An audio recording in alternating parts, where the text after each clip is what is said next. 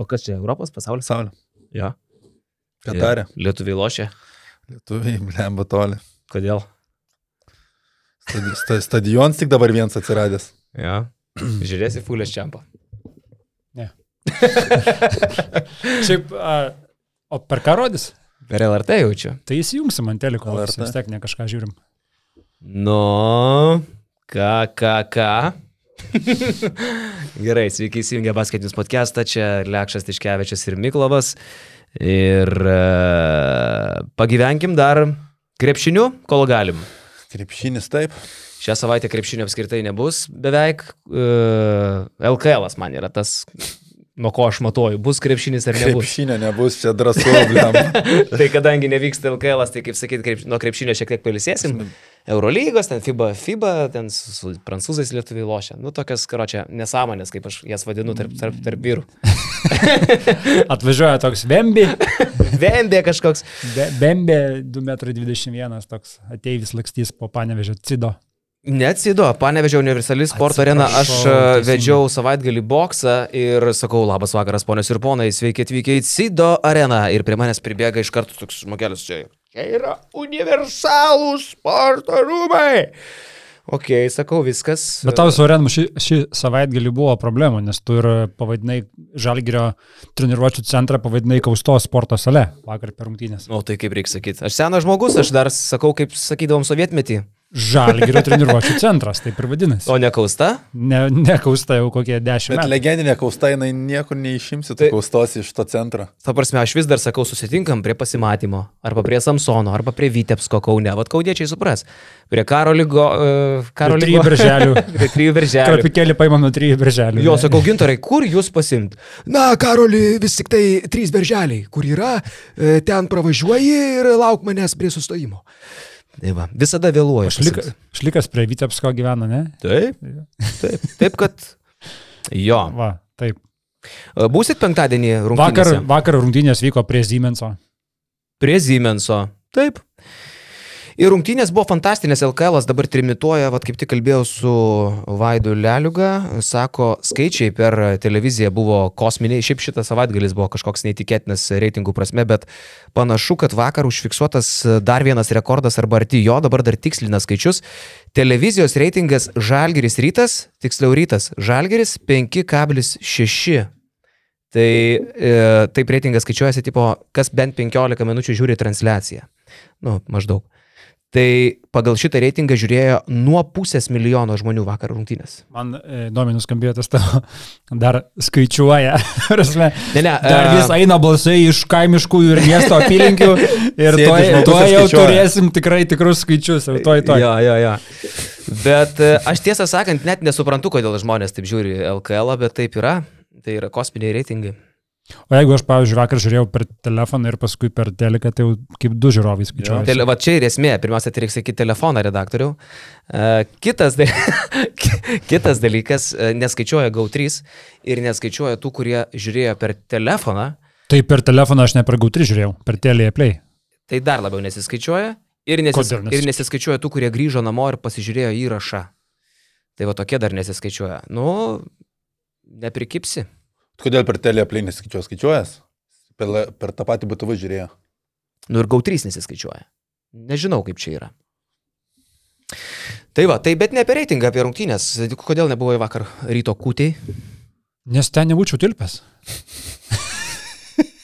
aš manau, tai yra tas pats. Lietuvos krepšinio paršas Jonas Tas Miklas. pats, kodėl ir nebuvo mūsų kolegų iš krepšinis net. Jie irgi, manau, tą patį sprendimą prieėmė, kad jie netilps ir netėjo. Nuo to pradedam. Wow, čia taip. čia taip mes laidas. Nes ta montuojam. prasme, basketinius žmonių buvo kiek, kokie penki. Aha, nu, Nu. tai mūsų įmonė didelė. Tai taip, tai žinai, tai, nu, tai gerbkim ir kitus ir leiskim ir kitiem atsisėsti. Aš tiesiog turėjau pa, pagerbti ir kitus žmonės, nes ten vietų yra kiek yra. Mes puikiai žinom, kad ten vietų yra per mažai, nei kad yra norinčių patekti į tą areną. Vakar e, kažkaip e, taip užs- užsikėpiau prieš rungtynės e, tą atmosferą, pradėjau net filmuoti, kaip Žalgerio ryto fanai pusvalandis prieš rungtynės jau susitiko priešingose tribūnose ir viens kitam jau siuntė linkėjimus, ten ir, ir šūda raudona, ir žalia laisvo elgesio moterį ir visa kitka. Nu taip gar, garbingai prisistatė sirgaliai. Ir galvoju, į ką visą tai išvirs, bet kažkaip rungtynių metu jau tos e, vadinamos kultūros buvo įnešta daugiau, kažkaip be, be ekscesų apseita.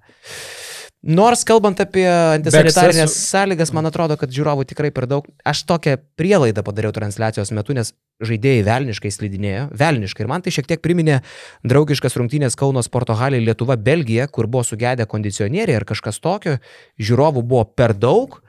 Ir atsimeni, kaip slidinėjo visi Mm. Lietuva Belgija rungtynėse čia prieš gal dešimt metų.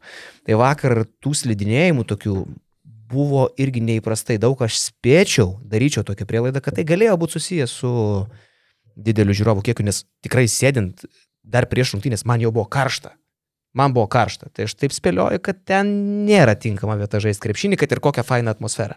Tai yra tinkama vieta žaisti krepšinį, kuris nėra tokio žiotažo kaip šitos rungtynės. Nu, tiesiog man kas kartą iš tikrųjų žiūrint tokio žiotažo rungtynės yra šiek tiek baisu, kad viskas yra labai arti kažkokios tai mažos nelaim- nelaimės ar didesnės nelaimės. Nes atrodo, užtektų kažkam įsiplieksti ten tarpusavį labiau, ar užtektų kažkam neduok dievę dar ten kažkam nutikti ir Tiesiog ir tu žiūri ir tu supranti, kad nu, neturėtų tokio žiotažo. Ir čia nėra kažkoks dabar uh, kaltinimas ryto komandai ar kažkam. Aš tiesiog galvoju, kad rytas, žiūrėdamas į ateitį, turėtų planuoti, ką jie toliau daro. Arba jie, kaip uh, buvom kalbėję, ieško kažkokių tai sąryšių su Žemeliu ir su SG arena, arba jie galvoja apie didesnę areną. Nes, nu, Nu, SG dabar tapetus klyjuoja, tai ten tu niekaip... e, ne, tai aš suprantu, ta prasme, čia kai bus, Nepažaisi. kai bus baigti tie darbai. Čia Mhm. aišku, čia nu, situacija yra kokia yra, nieko, nieko dabar nepakeisi nei dabar, nei kitą mėnesį, nei už, nei už pusmečio. Bet, nu, aš labai tikiuosi, kad jie turi ilgalaikį planą. Čia nėra jų Bet man tai patinka. dešimčiai metų. Blemba, man to pačiu ir patinka. Aišku, viena vertus ten tikrai iki sprogimo ar gaisro trūksta tik tai degtukų Vakar- pabezdėt. vakar bairis, vakar bet- bairis, Bet klausyk. atmosfera ten yra. Kalbant ten apie- yra, ten yra kalbant- Belgradas. Tai ta, Kalbant nu, apie antisanitarinės sąlygas. Tu prasme, Žalgirio fanai vakar turėjo eiti pasisioti tojtojus, kurie laukia buvo įstatyti. Rimtai? Taip. Gerai, aš, gerai, aš tada irgi prisipažinsiu, jau jeigu tokia atvirumo valandėlė, aš ėjau į mašiną pamyšti butelį. Nes tikrai padariau intervą su e, šitugi e, po dviejų kelnių su Brasdeikiu. Ir man buvo šakės, aš jau ne, nepastovėjau ant kojų, tai aš pasėmiau 2022 pusantro litro metai. akvilės išgertą, tu tuščią butelį, nubėgau į mašiną. Gerai, nepasakosiu, kur kolegos myžo, bet tikrai Bet ir čia yra kalba apie. Ir, žinai, ir ne, nelyginkim, prašau, su Belgradu, gerai? Labai prašau, nelyginkim su Belgradu. Tai kad jie myža viduje, arenui. Ne, ta prasme, Aš kaip- taip spėju. Čia, žinai, man, man šita arena man įprimena sporto halės paskutinius metus. Aš puikiai prisimenu, kokia bauda būdavo sporto haliai 28, 29, 20. Atvažiuoja tos Eurolygos komandos.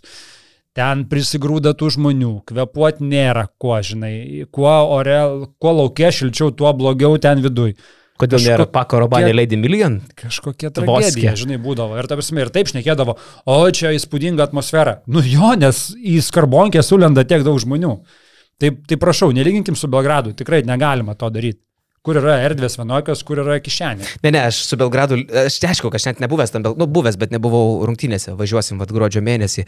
Bet uh, reikia pripažinti, kad ta maža erdvė sirgalius įkvepia elgtis nelietuviškai. Pavyzdžiui, atsistoti rungtynių metu, skanduoti. Aš nesutinku, žinai- nes mažose erdvėse žmonės jaučiasi labai komfortiškai. Kas priverčia atsistot Kas? Prieš tave stovinti žmogus? Tai apie tai ir kalbu. Tu... Tiesiog, kai yra, žiūrėk, kodėl tu stoji? Nes tau kažkas užstoja vaizdą.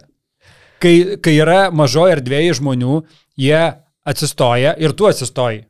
Nes tau užstoja Nu, vaizdą. Jonai, tai Žalgirio lygiai, arenoje, lygiai taip pat jeigu Žalgirio atsisto- arenai, ta prasme, kai būna rungtinių gale, ne? Ten paskutinės e, minutės, sekundės kažkas meta būdas, atsistoja tą visą tribūną už kažės ir tiesiog atsistoja pirmos dvieilės ir paskui juos visi atsistoja. Nu, bet nestovi taip rungtynių metu Žalgirio čia, čia kiek, kiek čia yra, uh, ta prasme, per tą visą plotį ten žmonių, koksai šimtas, atsistoja, atsistoja 200 žmonių, pirmosios dviejose eilėse, ne? Ir tada tie keli šimtai už jų irgi stojas, nes viskas taip. Vrr, Nežinau, Nors- ten žmonės linksminasi, tikrai. Aš, ir man smagu dėl jų, žinai, viskas ok, bet mes kalbam apie salę, kurią lyginam su Utenos Juventus salė mes galim lyginti. Tarsi, kedainiuose yra salė didesnė ir geresnė. Mm, taip, Ir saugesnė, geresnė. ir saugesnė. Aš sakau, neduok dievę kažkokią, neduok dievę. kažkoks, kažkokia kibirkštėlė, kažkur reali, ne ugnis. Ar ten tikrai yra pakankamai šeimų visiems pabėgti? Nu, kodėl per tas durytės? Iki kurio dar turi dabėgti viršų. Aš sakau, man ten žiūrint, man ten yra realiai baisu dėl to, kaip yra arti kažkokia nelaimė.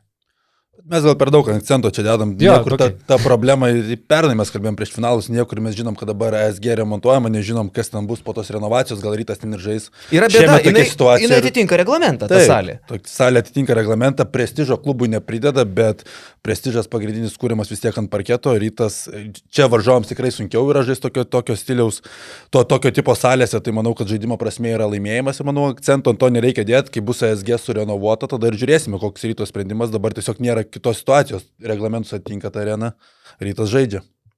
Tai dabar tu mums aiškini, kad mes net ten akcentus dedam. Ja, Šiaip drąsu. bet taip yra. Nu, Nes rytas, rytas, laimėjo, rytas laimėjo savo salį ir manau, kad čia buvo viena didžiausių sezono staigmenų. tau nepasirodė, kad Ir-. Jonas nusipirkęs naują mašiną a, suįžulėjo kaip podcasteris. Kaip... Ne, bet aš, aš dabar pantrinsiu Jonui ir mes turim dabar dėti akcentą tą, kad rytas nugalėjo turbūt keturis kartus turtingesnę komandą.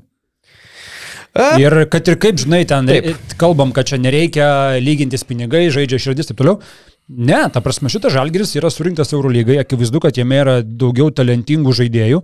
Ir šitas žalgeris vakar turėjo laimėti ir jis nelaimėjo. Ir ryto, ryto šitą pergalę nusipelno didžiausių ditirambų, nes jie nukalė Eurolygos komandą, ne bet kokią, kuri nėra pernykštė Eurolygos komanda, kuri šiemet yra tikrai uh, gera, gero lygio Eurolygos komanda ir jie ją paguldė namie ant menčių.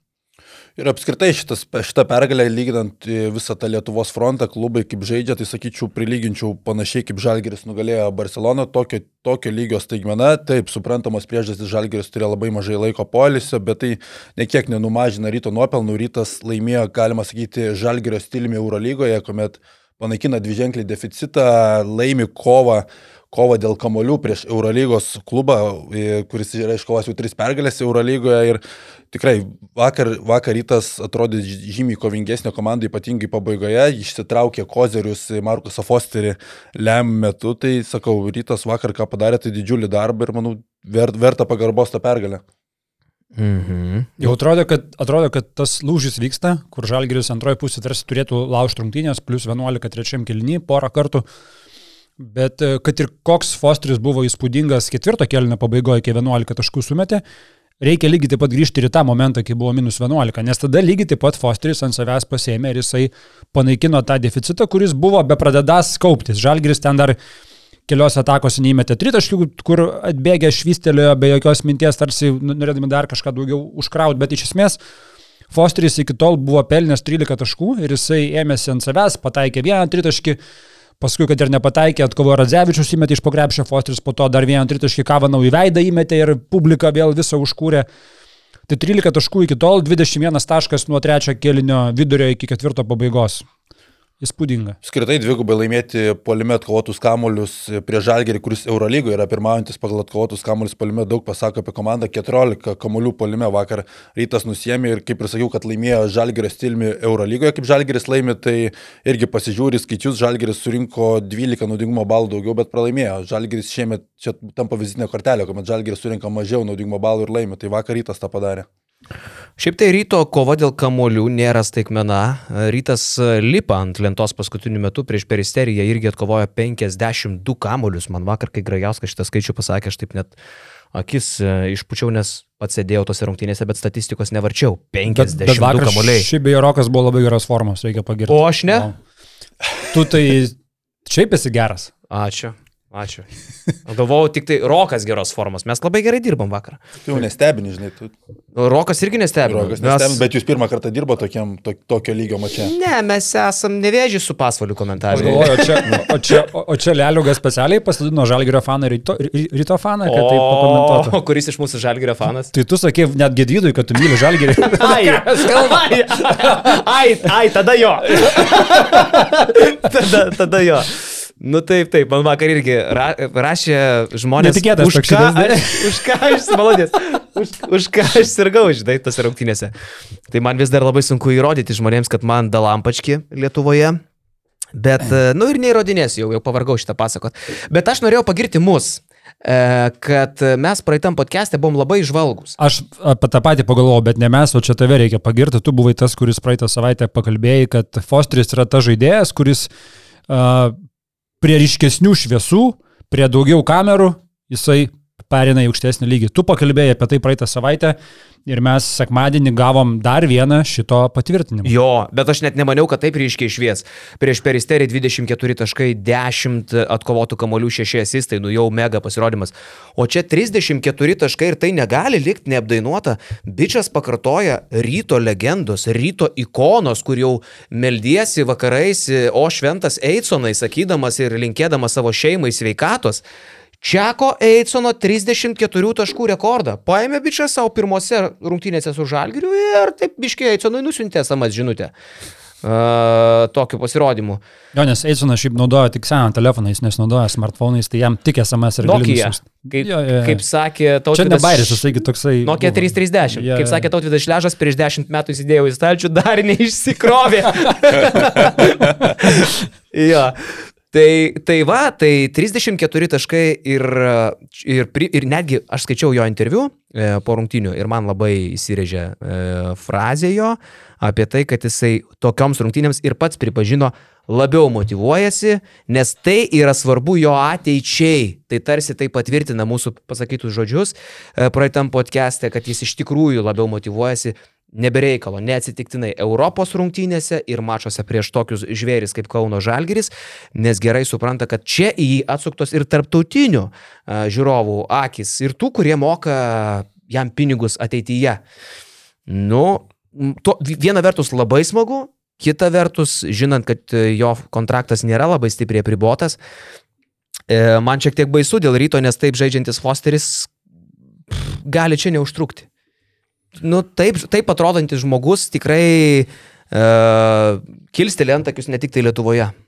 Jo pagarba Fosteriui šiaip net nesakyčiau, kad iki ketvirto kelnio pradžios jis žaidė labai gerai, taip, sumetė metimus, nemažai ir laisvas išsimetė tų tritaškių, bet kai sumesdavo, dažniausiai Žalgiris sėkmingai jį užatakuodavo polime ir Fosteris buvo bėda gynyba ir daugiau mažiau tą padengdavo, o Fosterio nauda polime prasta gynyba ir jo užatakavimas, bet ketvirtam kelnyje, kaip jisai užsikūrė, kokius metimus jisai pataikė, Žalgirio gynyba didžiaja dalimi nebuvo prasta, sakyčiau, net Ignas Brasdeikis, kuomet buvo pasakytas prie Fosterio, netgi stebino, kaip gerai ant kojų stovėjo, buvo kelios buvo e, komandinės gynybos klaidos, kuomet, kaip pats Kazis Maksvitis pasakė, kad nebuvo leidžiamas į tą pusę, kurioje ateitų pagalba, bet, bet iš esmės Fosteris pataikė tokius metimus, kur jau aukščiausia klasė nelabai ką gali padaryti tą vakarą ir tas ir jautėsi.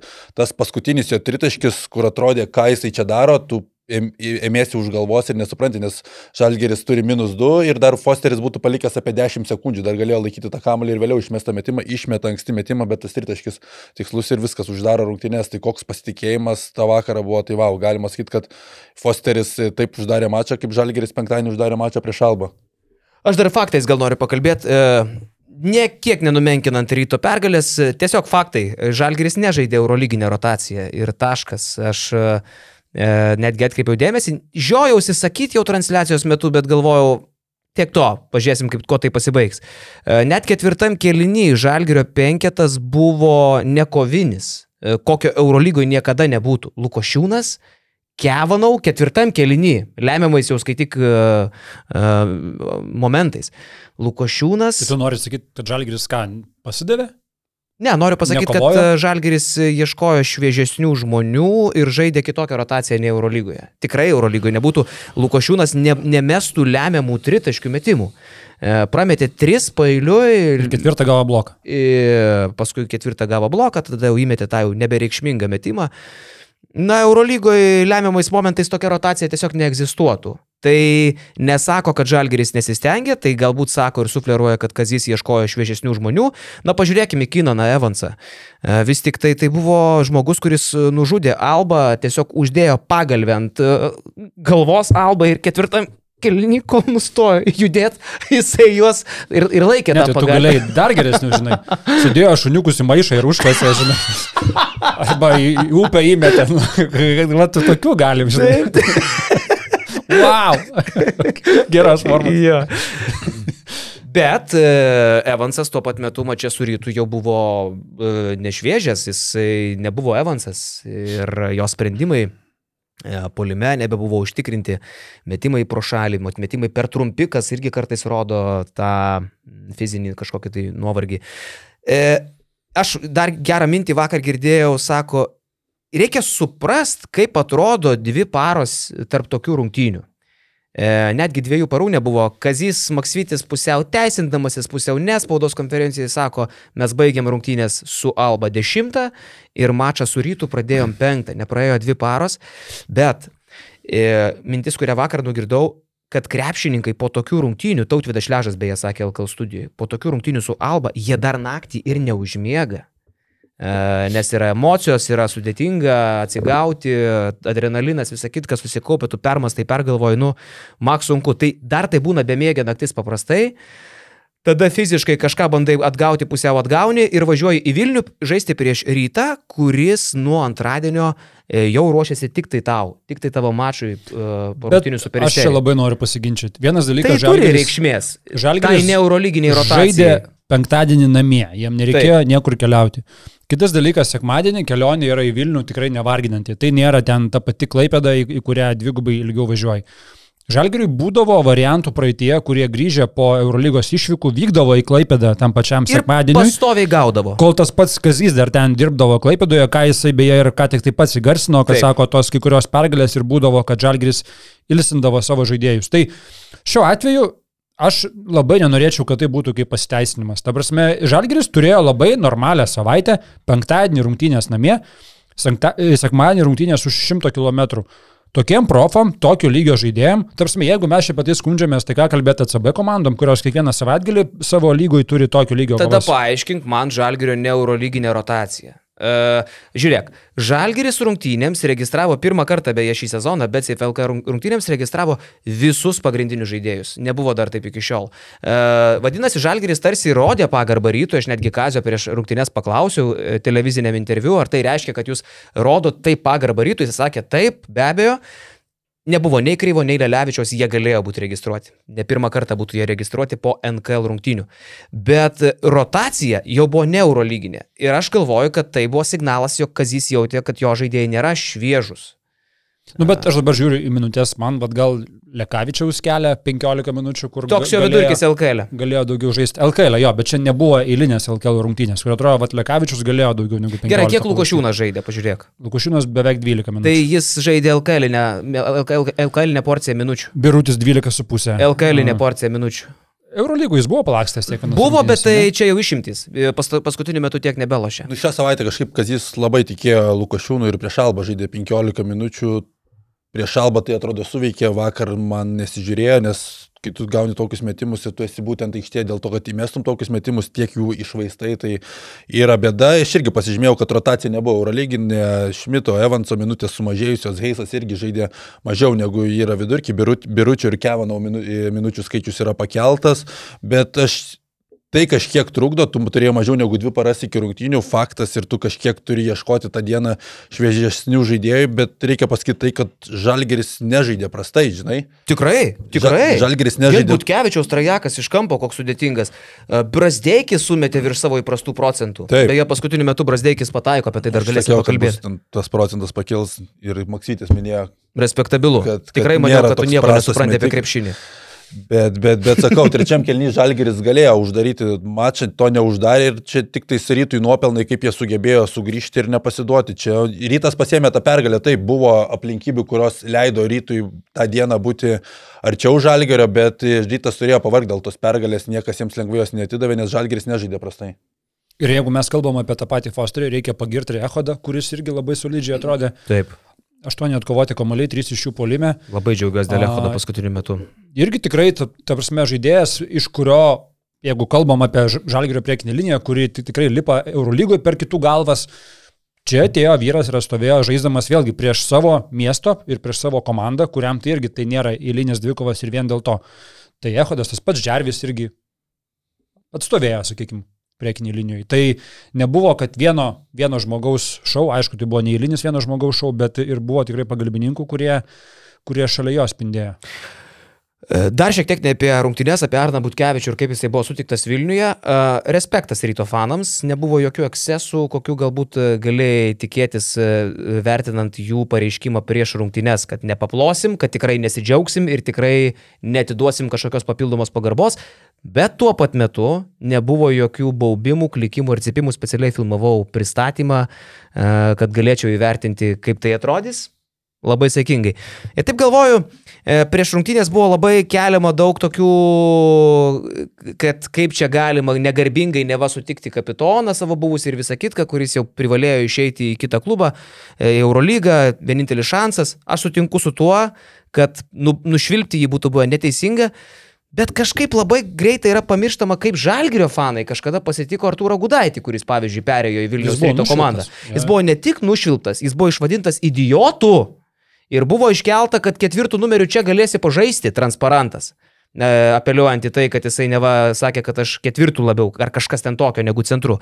Tai Žalgirio fanai, kurie dabar kritikavo neva prastai sutiksiamą Arną Butkevičių, patys Gudaitį išvadino idiotų. Va čia aš tokią neteisybę prisiminiau. Iš tikrųjų, man atrodo, kad e, reikia žiūrėti abi medalio pusės. Žinai, neteisinant šitoje pusėje žalgerio fanų, nes, nu, yra keista, mažų mažiausiai išvadinti savo buvusių žaidėjų idiotų, bet Gudaitis perėjo į mažesnį klubą, jis nebuvo kapitonas, jis perėjo iš čempiono į nu, kai, šiuo, šiuo atveju Arnas tą patį padarė, iš čempiono perėjo į net ne vice čempioną.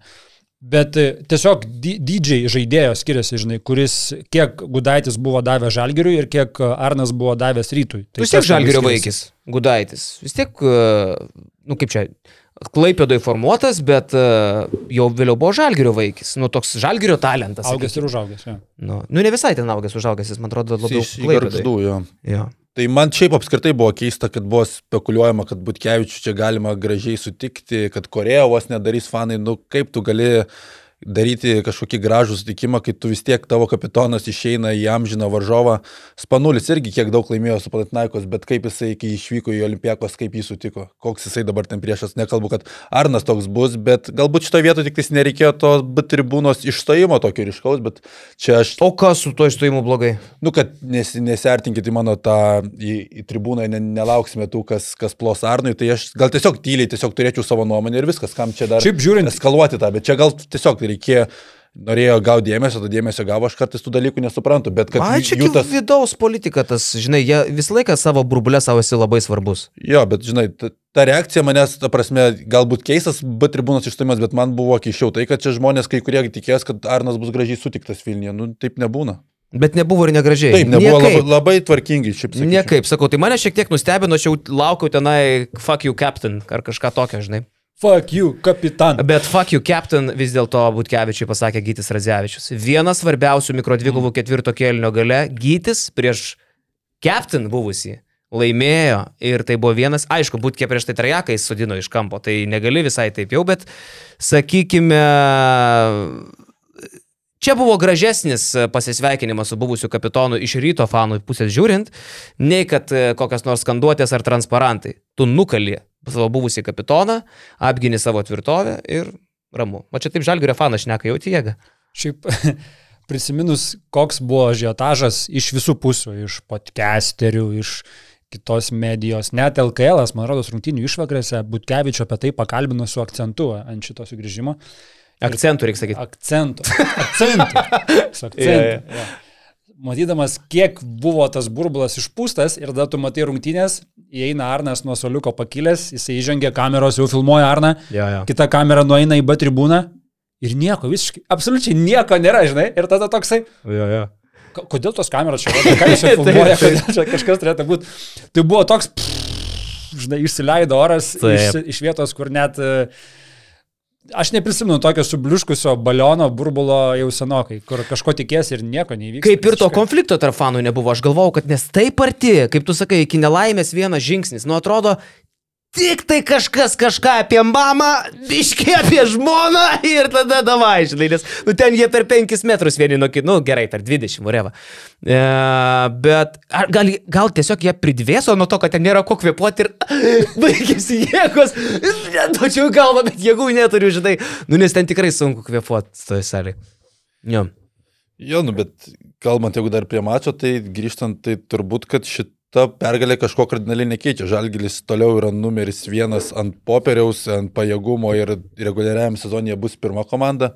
Čia yra faktas, rytas bando būti antra reguliariam sezonė, jiems tai yra svarbu, kad turėtų namų pranašumą pusfinalyje, bet tai, kad rytas sugeba tokiuose atskiriuose rungtynėse pasipriešinti ir net nugalėti žalgerį, nuo to tik mums visiems smagiau tą, LKL visą sekti. Šiaip dar aš turiu vieną pointą mhm. dėl Igno Brasdeikio. Du dalykai. Šiaip pirmiausia, vakar nustebino, vad kad ir kaip pagiriau Roką, kad jisai labai gerai buvo pasiruošęs, nustebino Roko teiginys, kad Ignui čia yra visiškai nauja atmosfera ir jis nieko panašaus nematęs. Tai šiuo atveju turbūt Rokas pamiršo, kad Ignas žaidė NCAA ir žaidė Mičigano universitete, kuris turi didžiulius uh, irgi uh, mūšius su Mičigano valstybiniu universitetu ir ten būna dar rimtesni reikalai. Tai Ignas tikrai matęs tokių dalykų ir jis buvo vienas nekenčiamiausių NCAA žaidėjų, tai jisai jausdavo tą neapykantą nuvažiavęs į bet kurią areną. Bet kitas dalykas, apie Igną kalbant, Jonas pagyrė jo gynybą ir pagyrė tuos sprendimus, bet vakar du žiauriai kvaili Igno sprendimai savotiškai prisidėjo prie žalgerio griūties, nesportinė pažanga ir paskui pažanga prieš trajeką metus į Fosterį. Du žiauriai kvaili sprendimai, kurių patyręs krepšininkas nepadarytų. Jisai padarė tuos du sprendimus kokios minutės pusantros laikotarpyje. Mes turėjom dviejų lyderių palyginimą vakarą. Abu iki didžiosios pertraukos buvo vienodai ryškus. Fosteris ir Ignas Brasdeikis. O antroji pusė galbūt jau pasirodė, kuris vis dėlto šiandienai yra labiau apsitrynęs prie Europos krepšinio, labiau pratęs prie tokių rungtynių, daugiau jų žaidęs, tiesiog turintis daugiau patirties krepšinį. Ir vis dėlto, jeigu Brasdeikis antroji mačo pusėje išsiganurino ir tiesiog išsileido oras, kaip tu sakai, iš, iš balioto, tai e, Fosteris atsinešė dujų balioną papildomą, atsisuko, prisipūtė ir tvarkingai rūko toliau. Toks ir skirtumas šiandien dienai dar tarp jų buvo. Kita vertus, Man labai patiko, kai Brasdeikis pradėjo rungtynės, nes uh, aš, aš turėjau klausimą savo užsidavęs prieš rungtynės. Ar mes vėl matysim Brasdeikį apsišykantį kažkokioj tai jam vis dar, kaip sakiau, vaikui saldainių parduotuvėje, kur visko tiek daug ir wow, kaip nauja ir netikėta, visų saldainių noriu, prisivalgau ir nebegaliu paeiti. Tai ar jam vis dar pakenks šitą atmosferą, kaip pakenkė Tel Avive, kaip pakenkė Belgrade ir kaip pakenkė... Su visa e, pagarba, aš pakartosiu tą patį. Su visa pagarba. Ne, gerai pradėjo rungtynės rungtynės. Su visa pagarba džipo, džipo atmosferai, negalima lyginti nei su Tel Avivu, nei jo labiau su Belgradu. Na nu, gerai, Jonai, aš buvę tose arenose. Kalbu. Elektra ta prasme, tikrai žiauri. Tu visai kitą elektrą jauti tam pačiam Belgradė. Jonas vad buvo tą patį gali pasakyti, ką tik tai tai buvo. Ta prasme, nu, nustokim lyginti. Mes lyginam, žinai, pagal savo supratimą, kur nesam buvę ir atrodo, kad, o... Nu, aš Kaune buvau. O, čia džipė, žinai, kažkas to. Aš Kaune buvau. Nu, Kada? esu buvęs Kaune porą kartų rungtynėse. Pernai, kai ta lavonė komanda žaidė. Nenusenė, aš vis dėlto gal dirbau pranešėjų Žalgirio penkerius metus. Nu, tai, tai okay. šiek tiek esu matęs Kauno arenos atmosferą. Bet aš labai nesutinku, kad tik norėjai man kad, pasakyti, kad aš nežinau, kaip Žalgerio arenos atmosfera. Aš, la, aš labai nesutinku, kad vakar tą areną, ryt, ryto arenoje at, atmosferą galėjo kažkaip tai brazdeikiai išmušti. Labą dieną, Jonai, bet tu mane kaltini, kad aš kažkur nebuvęs, bet tu nebuvai ten. Aš irgi buvęs toje arenoje. Bet nebuvai toje atmosferoje. Vakar, vakar taip nebuvau. Tai kaip tu gali pasakoti, ten buvo elektra ar nebuvo? Aš tau sakau, kad buvo ir žiauri. tai aš nu. sakau, tai tokia elektra būdavo Kauno sporto haliai. Bet tu nebuvai vakar, tai kaip tu žinai, bet kokia yra... elektra? ne, žiūrėk, tai vad, žiūrėk, bet tu ką tik pats pasakėjai, tokia elektra buvo sporto haliai. Būtent, that's the point. Maža salytė jin turi savo tą klaustrofobinį pojūtį, kai žiūrovas arti ir tau reikia į veidą. Na, nelengva žaisti tokio atmosferos. Ir prie to Brasdeikis yra pratęs kur kas labiau. Bet aš tuo ir džiaugiuosi, kad jis neišsimušė iš vėžių. NCA tokie dalykai būdavo. NCA no. nebūdavo partizano, tikrai jis tokių dalykų nematęs. Čia ginčas buvo? Buvo. Gerai. Ne, tai Ta prasme, dėl tos atmosferos, tai jinai pati sukūriama dėl tos, kaip tu sakai, mažos erdvės ir tose mažose erdvėse yra žymiai sunkiau žaisti, bet aišku, čia Belgradus lyginti, man ir jokinga, kai lygina tiek džipas, tiek mačiau dabar penktadienį po Žalgerio rungtynių, kalbėjo, kad čia mūsų fanai geriausi, nereali atmosfera, bet kai komanda antram kelnyje minus 20, tai atrodo, kad tie trys albos fanai kartais dar pasigirsta sausakimšo arenui, tai apie kokį mes Belgradą čia galim kalbėti. Yra toks posakis, va čia aš dabar jau jį priminsiu jums, kad žmogus e, išgirsta, bet čia labai skirtingi būna pasakymai, 3 procentus iš to, ką kitas žmogus jam norėjo pasakyti. Tai va dabar aš jau girdžiu, kad čia ateina linija, kad aš lyginu Jeep areną su Belgradu. Ir čia yra puikus pavyzdys, kaip jūs girdėjo 3 procentus, ką aš norėjau pasakyti. Tai ne apie tai kalba čia eina. ne, ne, tai aš minėjau tą Tai Belgradą. daug kas čia mini tą Belgradą. Belgrado ir Jeep arenos palyginimas yra tik iš vieno rakurso, kad lietuviškas fanatizmas paprastai yra be atsistojusių žiūrovų. O Jeep arenos atmosfera tokia, kad joje žmonės atsistoja skanduoja. Ir man tas yra nelietuviška. Taip aš palyginau su Belgradu, kad ten žmonės stovi. Pirmą kartą tokį mačiau vaizdą, nu ne pirmą, bet Jeep arenoje tokius vaizdus matau uh, pastaruoju metu. Tokius belgradiškus, kad žmonės stovi. Dar, Man tai dar- smagu, nes dažnai mes lietuviai kuklus, tik mūsų nerodykit, blecha, ir aš čia, jeigu galima, tai apšė va taip žiūrėsiu tas rungtynės, žinai, bet jie atsistoja ir man tas labai gražu. Atsistoja dar šiauliuose iki pirmo metimo, kur žinai, jau ten muistosi. Pato iki Ir greičiau. Ir tai. Žinai, Ir ten dar, nu, davai, davai, davai. Ir ten Jo. laukia. Tai, o ir paskui, o, ačiū Dievui. Atsimenu, Klaipėdai kažkada šešias minutės gal stovėjo žmonės. Kažkas jau blecha, einu parūkyti ar kažkas, nu, nes nepatogu, žinai. Taip, tai va tas. Um, galvoju, kad nemažai čia mes pakalbėjom apie rytą su Žalgiriu. Dar, dar tu pakalbėjai apie Fosterį, kad galvoji, kad taip žaidžiant kelia antakius Europai, tai aš bandžiau galvoti, Fosteris, kuris jisai galėtų išeiti, realiai jisai talentų palime vakar įrodė, kad tikrai nenusileidžia nei Ignui Brasdeikiui, nei Kinanui Evansui. Bet man labai įdomu, jo aukštesnė, aukštesnė stotelė, kur galėtų būti, tai būtų tik Eurolygos klubas. Ir tik Kauno Žalgiris. ir tik Kauno Ir Žalgiris. kaip Jonas sakė, mašinoje vietoj šito va, ir galim būtų. Sveiki, čia aš jau Fosteris pas jūs, Žalgiris. Ne, toks įimas neįmanomas, aš galvoju, bet būtų, būtų įdomu, bet sakau, kad e, Fosteris, man atrodo, yra tas toksai boleris, kur dažnai komandos e, mažesnių biudžetų iš to išlošia tokį žaidėją turėdamos, bet kaip jis atrodytų veikiančių di- didelėje sistemoje, kur tu nesi pats talentingiausias krepšininkas, kur neturi tiek laisvės. Labai esame daug tokių pavyzdžių matę, kur žyba čempionų lygoje, bet, pavyzdžiui, Erikas Makolomas, manau, yra top 10 skoreris Europoje. Geras pavyzdys. Jisai Eurolygoje praktiškai neužsikabina, niekur negauna, nes tai yra grinas koreris, e, kuris prie kitų labai talentingų krepšininkų nebėra toks ryškus. Matai, Himkose, jeigu tu apie juos kalbi. Ir Anadolus įžaidė. E, nu tai va, tai tu įimi komandas, Anadolų ten ir Babuanė atrodo kaip staras, nors yra staras ir ateitų į Žalgirį turėtų 15 taškų vidurkį. Uh, ten ir Makolomas. daug gerų dalykų kitų. Jo, bet turiu menį, kad tokiuose komandose tu pasislėpi, o Himkose daug kas pasislėpdavo. Him, jie- žinai, Makolomas gal dėl to nėra pats geriausias pavyzdys, nes ten daug kas nublankdavo Himkose. Ten tu paskesti tarp starų, bet jeigu tu ir tarp tas- Fingose Mosgovas lėpėsi porą metų ir Taip, algą tas pats. Kinanas Evansas yra neblogas pavyzdys, kaip jisai atrodė vidutinis krepšininkas e, Makabi, kur ten šalia turi Vilbekiną ir kompaniją. Na, toksai tipo rolinis ir ateina į žalgerį ir mes čia žiūrim, kaip jisai žudo alba. Tai, nu, sunku pasakyti, kaip Bet... būtų. Matai, Evansas, kas yra stiprybė, kad jisai yra geras žaidėjas gynyboje. Fosteris, matėme, buvo atakuojamas nuolat, kuomet tik tais atsidurdavo prieš ką jis bebūtų, jis yra atakuojamas. Tai čia ir būtų ta silpnybė, tai aš galvoju, kad Fosteriui, kad jisai spindėtų ryškiausiamis spalvomis ir yra tokia komanda kaip Rytas, kuris yra žmogus numeris vienas, jis Taip. tą žino ir jam atrištos rankos gali mesti iš kur nori. Robas Grėjus, sakyčiau, yra geresnis pavyzdys. Žmogus, kuris žudė visus e, Monake, žaisdamas Europos taurėje, atėjo Eurolygą ir e, pratrynė tiesiog, sėd... e, pratrynė kėdę ant atsarginių solelio. Kraujavo viskas ten, ta prasme. Tai va, Robas Grėjus arba šitasgi iš Monako Ly. Paris. Nu.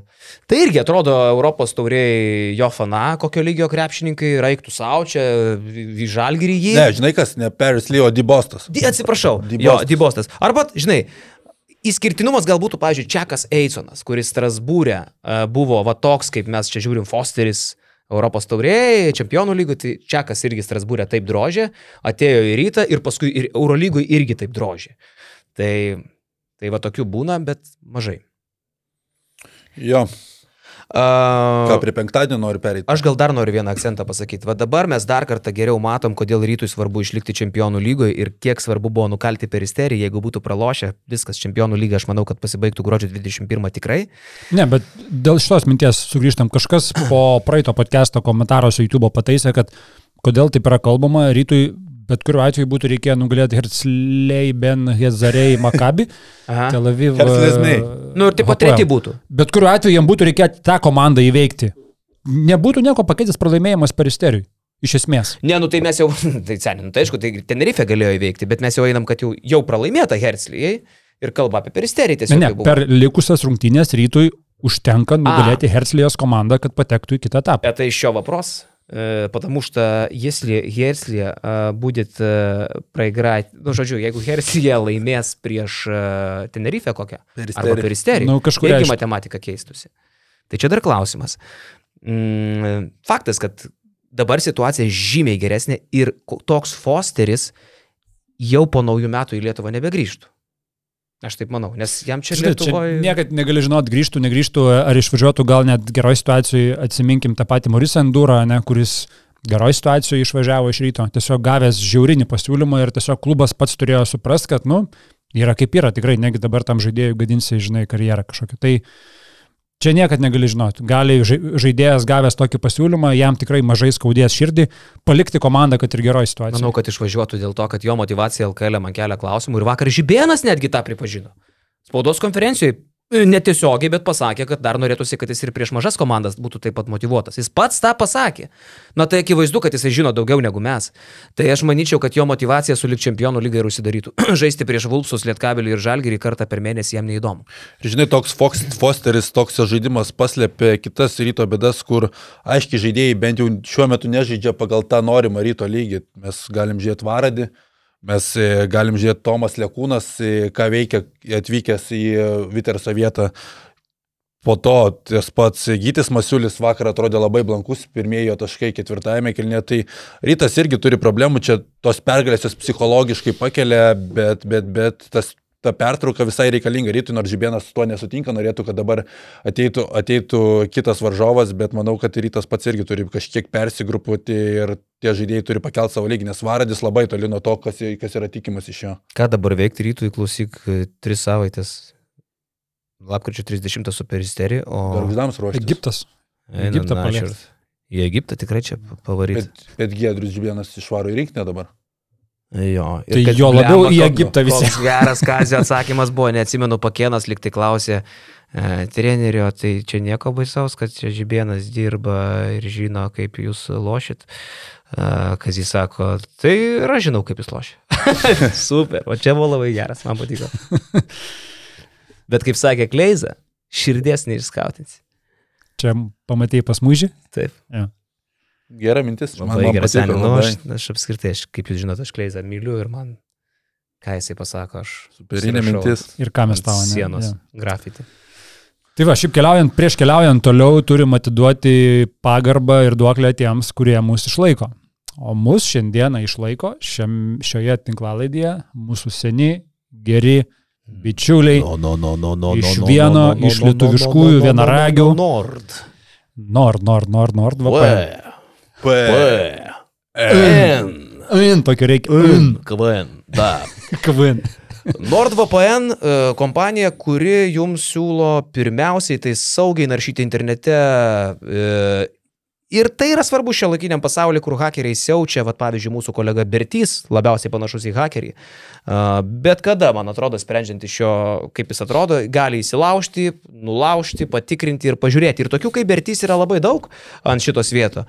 Naudojant NordVPN, jūsų kompiuterio saugumas yra gerokai aukštesnio lygio, ypač jungiantis iš viešo naudojimo Wi-Fi tinklų oro uostuose, prekybos centruose, kavinėse ir taip toliau, kur tikrai naršyti yra nesaugu. Tai vien dėl to jau verta tokį mažą kompiuterio draudimuką už porą eurų turėti. Nu, su mūsų kodu nordvpn.com pasvirasis brūkšnelis basket news, ta nuolaida yra netgi uh, didesnė. Ir turit keturis mėnesius nemokamai, pasirašius dviejų metų planą. Dviejų metų planas plus keturi mėnesiai nemokamai. Jo.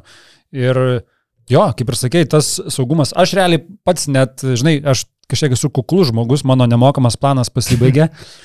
Ir aš taip galvoju, rašyti, nerašyti, žinai, bet nu, galvoju, pažiūrėjau tą kainą, ten gaunasi e, šiam eurų dviejį metai, kažkas tokio. Okay. Tai tu padalini iš... Su mūsų kodu maždaug, ne? Jo, iš ten iš 24 mėnesių, nu iš tikrųjų, ten gaunasi 2 eurai su trupučiu 2,5. Ne, tai jeigu šiam dviem, tai trys. A, jo, du su pusė tik tai, tiksliai. Wow. Tai va, tai sakau, tai nusipirkau pats šitą reikalą, naudoju ir kompę, ir telefoną. Telefoną dar kažkaip biški pykstosi, telefonas mano nenori turbūt įsileisti papildomos apsaugos, tai kartais įjungiu, kartais ne, bet Nu, kompę. Samsungas, seniai. Bet šiaip šeši įrenginiai galimi Jo, per vieną įrenginiai. 2,5 euro, e, savo kompą, žmonos kompą, vaiko kompą. Jo. telefoną, telefoną, reikia sakyti, planšetę ir dar kaimyno kompanės, nu o ką, gerai sutarėm. Jo, tai šitas tikrai pagelbės, e, nesakau, irgi kažkaip pagalvojau, kad tiesiog yra pernelik daug tų pavojų, apie kuriuos mes nežinom ir esame įpratę, kad viskas čia yra saugu ir, ir tvarkoj. Ne, mes nematom kai kurių dalykų ir turbūt geriau būti saugiam, negu paskui gailėtis. Bet saugumas tai yra vienas iš dalykų, ką duoda VPN. -as. E, Kas geriausia, tu gali keisti savo lokacijas, e, šiek tiek apeiti sistemą, visą kitką ten. Ir Ir smagu pavaikščioti per šalis. taip, vaikščiot per... O ką tu čia dabar vaikštai? Tai pavaikščiosiu. O ką čia darai? Tiesiog gali šalį nustatyti. Ai, tu dabar va taip nusistatydėjai, ne? Jo. E, ir galit pažaisti, pavyzdžiui, YouTube'as premium. Nu, aš tai vis dar nesuprantu, va, irgi kolegos. Nu, kaimai, kaip dar galima šiais laikais nenaudoti YouTube'o premiumo? Nenaudoju. Fantastiškas dalykas. Važiuoji automobiliu, Jeigu naudoji Spotify, pavyzdžiui, aš naudoju Spotify. seniai, tai O tu už tai ne. tu ir nežinai nei virasėlės, nei nebeverskime lepo atgal, Taip, nei... nežinau. Aš norėjau kažką tai įrodyti, o dabar aš bibidėjau, na. Už tai tu tokių dalykų Ir nežinai. labai džiaugiuosi, kad aš to nežinau. jo, bet naudodamas YouTube premiumą, tu telefone, važiuodamas pasidėjęs ramiai, play, playlistas eina, viskas sėki. Pavyzdžiui, kas nuostabiausia su YouTube premium, čia mes jau kitą brandą reklamuot pradedam, bet aš tarkim naršau telefonu ir va žiūrėk, matai, pas mane paleistas YouTube'elis ir aš va čia visokius dalykus savo toliau čekinu savo. Wow. Vaizdas eina. Tai Samsung yra ir be premium šitą funkciją. Nėra tokių Yra. jo. Tai vad YouTube premiumą aš moku durnelis būdamas vis dar 11 eurų, o su NordVPN pakeiti lokaciją, bum, moki porą euriukų ten per kažkur. Argentina. Eurą. Per Argentiną eurą. Pusantro euro moros. jo. Zet, nu tai čia tik mano tingėjimas, kad aš taip dar nepadariau.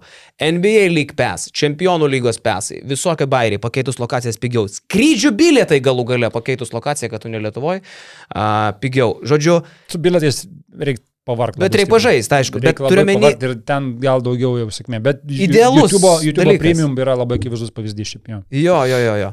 Tai lietuviškas produktas, lietuviškas brandas, e, gudrus reikalas, e, nebereikalo mes tiek laiko dirbam su NordVPN. Iš pačių jie su krepšinis nedirba, čia jų aišku klaida yra, bet nebereikalo mes tiek laiko su jais darom dalykus, nes, uh, nu, kaip sakyti, šūdo mes nereklamuojam, nors kartais šūdus ir šnekam. Teisingai. Ir tuo pačiu turim padėkoti savo didiesiems pliusams, e, tie, kurie garbės lentoje pas mus yra pažymėti juodai, tamsiai, boldintai. Jie moka kas mėnesį po 50 pinigų. Labai solidžia suma. Mažai, A, žinok, aš dabar vis labiau įsitikinu. Tiesiog reikia pakeltą, ne? Jo, nu, bet tai yra daugiausiai, Bet tai kas yra- mums taip, moka. Tai, taip. Taip, tai yra darbdaviams. OnPlay LT, tai yra BC, BC Wolves Airija, tai yra UAB kokybiški vandenys, vandens filtrai. BC Wolves mus remia. Jo, Bet bet iš medžio. Tai iškritai.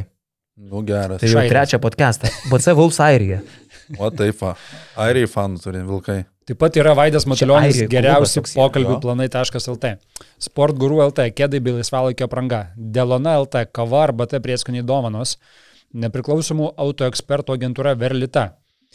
Vytautas Ratkus, odontologas, odontologas 24 LT, aš vis neišmokstu to žodžio.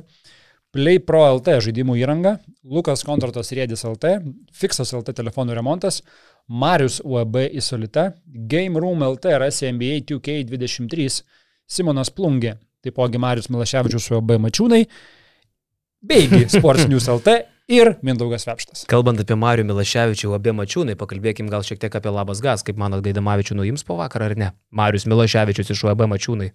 Tai manau, tu žinai atsakymą jau. Aš nežinau, man, va, man vakar, Mariu, vat esi fruktas geras. Man vakar pirmą kartą nekėlė ragelio Marius Milaševičius. Tai esu šiek tiek... Tai gal ten įvyko, vyko tiek- nuiminėjimas, tiek- kas ką, ar Gaidamavičius, ar...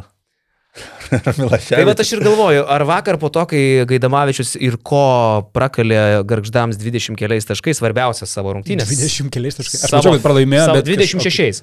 Uuu. Savo finalą iš esmės, nes, na, jie lošia dėl paskutinės vietos varžosi, kad neliktų. Tai po tokių rungtynių aš manau, kad Milaševičius ir Gaidamačius turėjo mažų mažiausiai susitikti už arenos. Žinant abiejų vyrų karštį. A, tai va dabar klausimas, ar Marius nekelia ragelio, nes buvo piktas, ar nekelia ragelio, nes ligoniniai. Mariu, jeigu gali vis tiek, parašyk, man labai svarbu, kur tu randiesi. O kitoj pusėje, kitoj turnyrinės lentelės pusėje, dvivaldystė Kauno Žalgiris su Jonavos Sibet Kokiu būdu Jonavos, tu- va tu man paaiškink, tu vis tiek supranti lietuvišką krepšinį. Kokiu būdu Virgis dar vis čia yra viršūnė. Šiaip tai, kad Virgis e, dabar galėtų būti vienvaldžių lyderių, tai buvo va, toksai Marytės e, plaukas, e, ūs, kartais moteris ūsus turi, žinai, būna tas keistas dalykas. Uh, jie Utenai pralaimėjo per Fuksą, likus minutė buvo plus 6 Jonavos, jie turėjo laimėti prieš Uteną ir dabar būtų 8-0, taip turėjo būti. Tai va čia yra fenomenas, kad Jonava yra, buvo per tiek, kad dabar po 8 turų būtų vienvaldžiai, bet safe LKL lyderiai. Ir jie to papildymo laukia, laukia, jo nėra ir čia toks pat logika nesprantamas dalykas, kaip ketvirtam kelniui Žalgeris prieš Berlyno Alba, kaip dabar yra atsibetas antroje vietoje su aštuoniom pergalėm, septyniom pergalėm vienu pralaimėjimu. Taip, taip, tai tikrai kosmosas. Bet daugiau apie šitos dalykus pakalbės ir toje mūsų kolegos iš savo kiemo. Taip. Jie vis dar yra patys geriausi, kai kalba apie LKL. Šiaip dar, vat, mes vis pageriam savo kiemą. Uh, yra dalykų, kurie subliūkšta. Pavyzdžiui, mes turėjom kažkada uh, tokią laidą sporto televizijoje, kai dirbau, aš vis sugalvodavau naują laidą ir vis naują pavadinimą. Ir kas savaitę išėdavo nauja laida su nauju pavadinimu. Ir buvo tokia kažkokia tai ten, ne netaktiškai, bet į tą pusę. Tai pradžiai buvo žmonėms įdomu, ten gal tūkstantį žiūrėjo, paskui žiūri ten po šimtą ir, ir mažiau. Tai aš galvojau, ar neištik savo kiemo tas. Pradžioje buvo pirma 18 tūkstančių ir paskui žiūri taip sumažėjo, sumažėjo ir praeitą savaitę vėl 18 tūkstančių. Tai reiškia, kad savas kiemas jau turi savo žiūrovą. A ir B tai reiškia, kad vyrukai dirba labai kokybiškai ir C aš norėčiau tą dar ir patvirtinti, nes a, kaip jie ruošias laidom, ką jie įneša į tą laidą, tai, nu, ir mus kartais, mūsų laidą žmonės žiūri ne vien tik, kurie labai domisi krepšiniu, patinka ir turinys, ir kaip mes tą darom, kartais tenka išgirsti. Tai vad juos irgi verta žiūrėti, net nelabai kartais domintis LKL, bet kaip jie tą supakuoja ir paduoda. E, Čiapas, Klikna ir Zajančiauskas, tai manau, kad e, e, pagarba jiems ir verta, verta nepraleisti. Plius jau jie vejasi krepšinis net e, pagrindinį podcastą pagal peržiūras, kas mane irgi džiugina.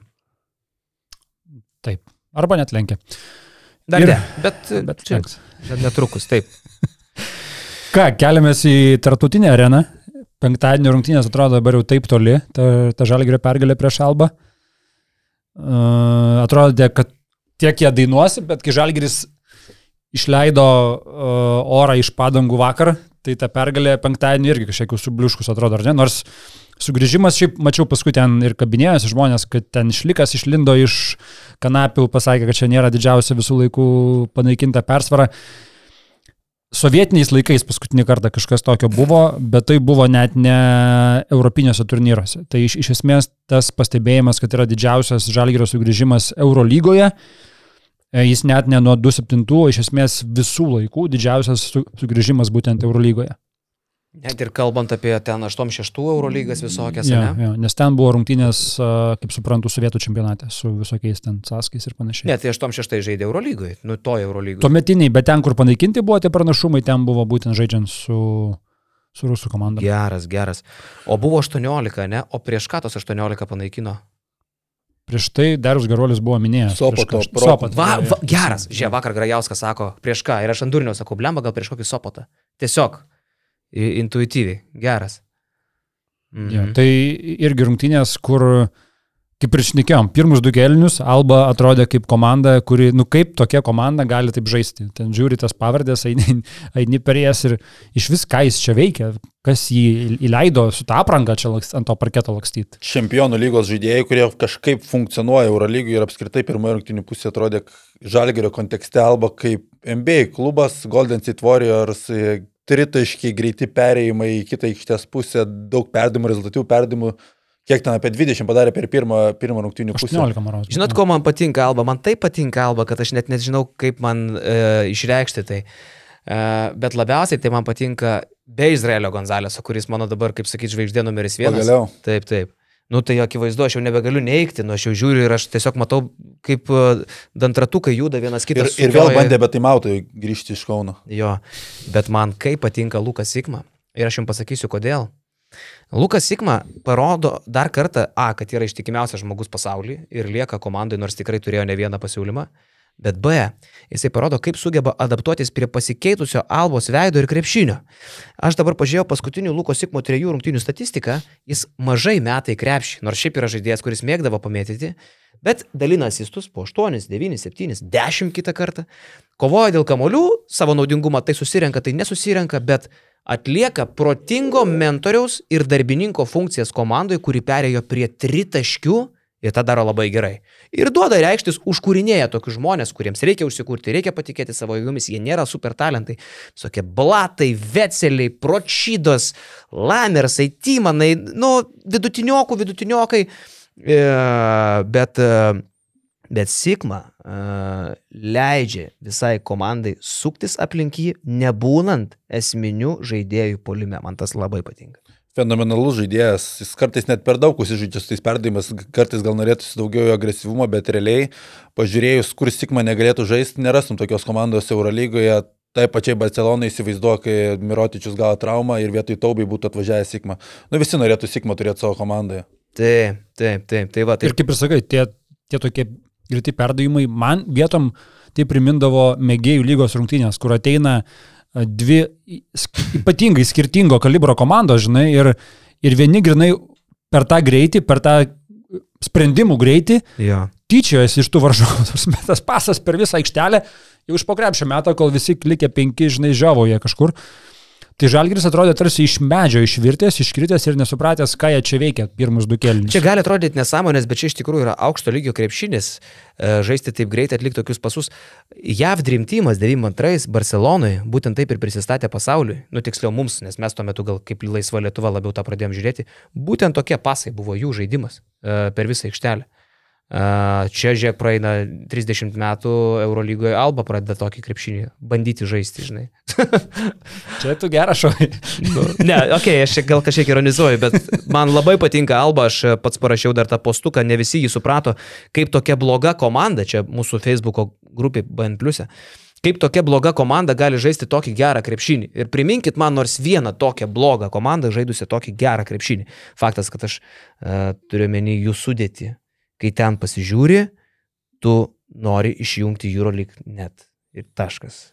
Žiūrint tą sudėtį, kur žaidė penktadienį Žalgerio arenai Albos, tai kitose Eurolygos klubuose besikmos ką dar galėtų prigriepti, tai Jailinas Smithas turbūt tas vienintelis, kurį kiti klubai turbūt priimtų. Okay, Kristas, Priimtų, bet tikrai nebūtų, taip, kad e, labai važiuoja kontraktai. Kristas Kumadžė specifinis žaidėjas, jisai dar nesužaidė penktadienį labai gerai, bet sezono pradžia įspūdinga jam.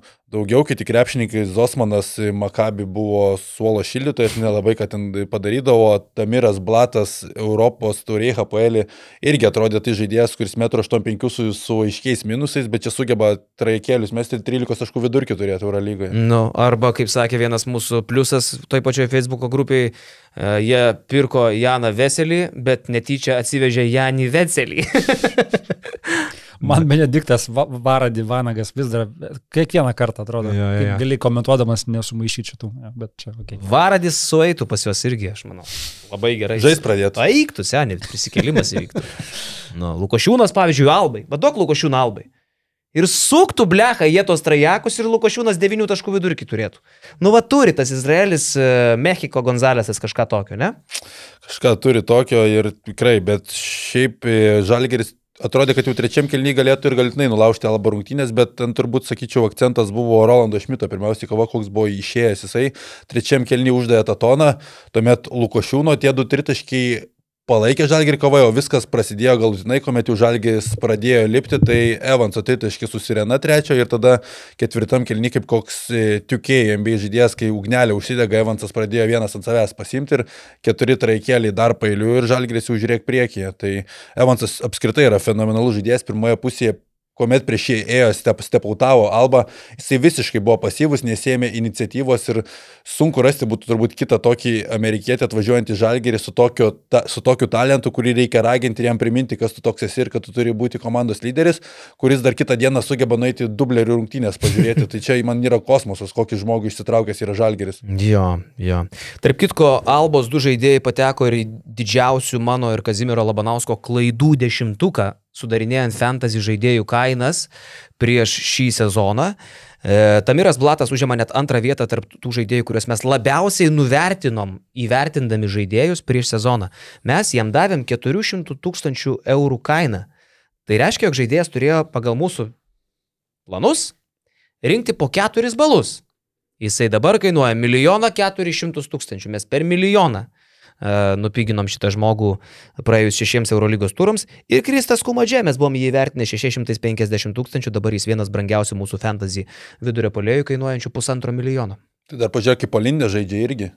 Olindė pateko, bet mes jį panašiai vertinam, tarp klaidų jo ne, neįtraukiau. Tarp kitko, apie daugiau žaidėjų fantasy, kuriuos mes nupiginom ir nuvertinom, aš turiu čia pasidaręs po 10, mes su Kazimieru Labanausku jau šiandien pakalbėsim uh, Basketinius fan, uh, Sybet fantasy apžvalgoje. Uh, ja matysit rytoj, tai uh, pasižiūrėkit, mes ten visai neblogų dalykų pripesam. Jau dvi savaitės iš eilės mūsų rekomendacijos yra auksinės ir tą rodo faktai. Užtenka tiesiog pasižiūrėti, ką mes kalbam praeitą savaitę ir akivaizdu, kad gerai, gerai nuspėjom. Va. Nu, A, ką toliau? A toliau laidoje, O žiūrėkite. kas, o, kas yra, o kas yra pirmas žaidėjas, kurį labiausiai nuvertinot? Nu gerai, e, pasakyt, labiausiai gal nuvertinti. neatskleisk. Tai vakare atskleisi viską, tai pasižiūrėsi. Nu jo, gal bus įdomiau. Nu. Aš pasakysiu taip, kad per pusantro milijono apsirikom. Uf, Su labiausiai neįvertintų, o labiausiai pervertintas buvo milijonų beveik. Mhm. Tai vat, gal palikim laidai, bet uh, tikrai, žiūrėkit apžvalgą, išgirsit, bus labai įdomu, man atrodo. Ten dabar su kaziuku varom irgi taip taškas į tašką. Jo, bet jeigu dar grįžtant prie penktadienio rungtinių, tai aš bandžiau prisiminti, ar, ar kažką esu matęs, kad Lietuvoje taip vyktų. 8 tritaškiai iš 10 toks sugrįžimas. Nelabai kažką atsimnu, okei, okay, Evansas pataikė gerus metimus, bet kokius metimus pataikė Brasdeikis su Edgaru Ulanovu, tai nelabai buvo paaiškinama logika. Jo. Ir paskui mačiau, vat, kur tu priminėjai tą e, Muižio postą apie tai, kad e, Kleizos citata širdies neišskautinsi ir po gražvido to posto atėjo Marijonas Mikutavičius ir jisai tokią mintį numetė, sako, aš tai galvoju, kad e, Europoje čia yra pergalvota, pernelik stipriai europiečiai patys čia save yra linkę ap, apmastyti. Ir kodėl nežaidžia taip kaip NBA, kur viskas paprasta, ateina meta beleką ir vis tiek išsividurkina, galiausiai viskas tas pas gaunasi. Tai pažiūrėjus į tokias rungtynės, tai tokia mintis gali kilti. Nu kodėl mes negalim visas rungtynės mėtyti taip, kaip buvo mėtome ketvirtam kilinį. Bet tada matom tą patį sekmadienio mačą, kur Ulanovo jau tie metimai nebesukrenta šitaip, kaip sukrito. Uh, tas pats Evansas lemiamų metų irgi nepataiko, kaip lengvai pataikydavo. Tai tiesiog, nu, Aš, aš suprantu, kad tai buvo labai didelis šaržas iš Mikutavičiaus pusės Taip. Ir iš tikrųjų pažiūrėjus tas rungtynės, tau tokia mintis gali kilti, bet tiesiog yra žaidėjų lygių skirtumai, kur čia tie žaidėjai žalgerio penktadienį sužaidė virš savo galimybių, NBA žaidėjams tokie metimukai yra pakankamai įprasta duona ir jie tiesiog yra geresni žaidėjai, didesni talentai. Jo talento lygis skirtumas dėl to ir yra, tu darai dalykus, kad galėtum juos kontroliuoti ir apie Žalgerio tą mačą gerai, smagu, kad išsitraukė įspūdingų stiliumi, bet realiai tai pradėti rungtynių tu negali, pasisekė čia. Galiu įsiterpti šitoje vietoje, nes aš jau irgi girdžiu kelis kartus, kad Žalgeris labai gerai sumetė ir ne va, čia taip nebus visada, bet kaip Alba sumetė pirmoji daly. Tai lygiai tą patį galima sakyti, ką Jonas sako, procentų žaidime vis tiek galiausiai viskas pasidaro logiška. Pirmoji daly Alba irgi varė virš, virš galimybių, ten ką jie pilstė, tai ir per rankas, ir ne per rankas. Visi pataikė. Tai daugiau laisvų galima gali sakyti, išmesti. kad procentų žaidime Žalgeris tiesiog ketvirtam kelinį atsėmė tai, kas jiems teisingai priklausė. Nu jau jeigu vertinsi matematiškai. Tai ne visai pritariu tai minčiai, kad ten mes kažkaip išsi- išsikapanojom. Alba žaidė virš galimybių irgi pirmoji daly. Žaidė taip kaip leido, aš sakyčiau, daugiau metimų jie laisvi metė, Žalgeris ketvirtam kelnį sumetė, Evanso irgi nebuvo lengvi, buvo darbiniai metimai, tokių visada nesumėsi, jis gerų procentų laimį metą dabar, bet sakau, Brasdeikio stebekas, Ulanovo du stebekai, nu ten kosminiai metimai, tokių alba nesumetė.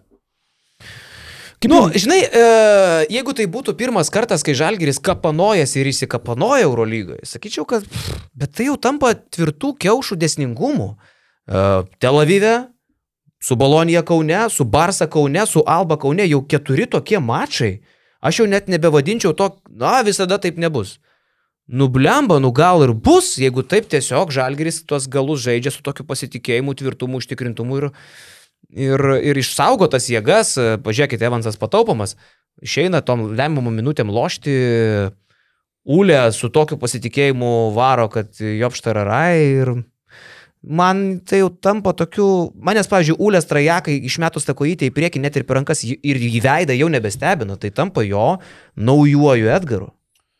Jo, apskritai aš sakau, kad fenomenali komanda Žalgeris šį sezoną, kaip sakiau, širdies nenuskautinsi, bet tu ir skaičiais nenuskautinsi, nes tie skaičiai, kaip minėjau, visada praktiškai mažiau gerokai naudingumo balų, bet Žalgeris yra arba kovoje, arba laimi. Tas pats buvo ir Tel Avive, ir Pirėjoje atrodo artimos kovas, bet naudingumo balų skaičiai labai skiriasi.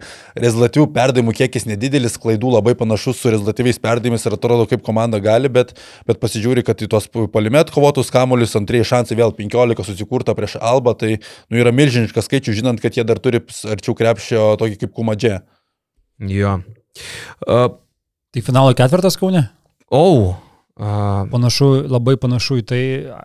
Kažkiek keista, kad taip vėlai paaiškėja, nes čia va irgi kalbėjom ir Donis Urbanas paaiškino, kodėl tokia situacija nutiko. Iš esmės, finalo ketvirtas praktiškai buvo nuspręsta, kad turėjo vykti Stambule kitą pavasarį, bet kartu su Žordį išėjimu ta situacija pasikeitė ir Stambulas nebekandidatavo į tą vietą. Šiandien Donatas paskelbė, kad Dubajus pasitraukė iš šitos kovos ir iš esmės nebėra daugiau norinčiųjų organizuoti finalo ketvirtą už kiek daugiau nei pusmečio. Laiko yra labai mažai. Iš esmės tam pasiruošti ir Kaunas, net pateikęs mažesnį pasiūlymą, nes galim atsiminti uh, kad nepavyko ten gauti papildomo milijono iš vyriausybės, net kurio tikėjosi. Gal, ar gal pusantro ten ta mhm. suma tokia, jo.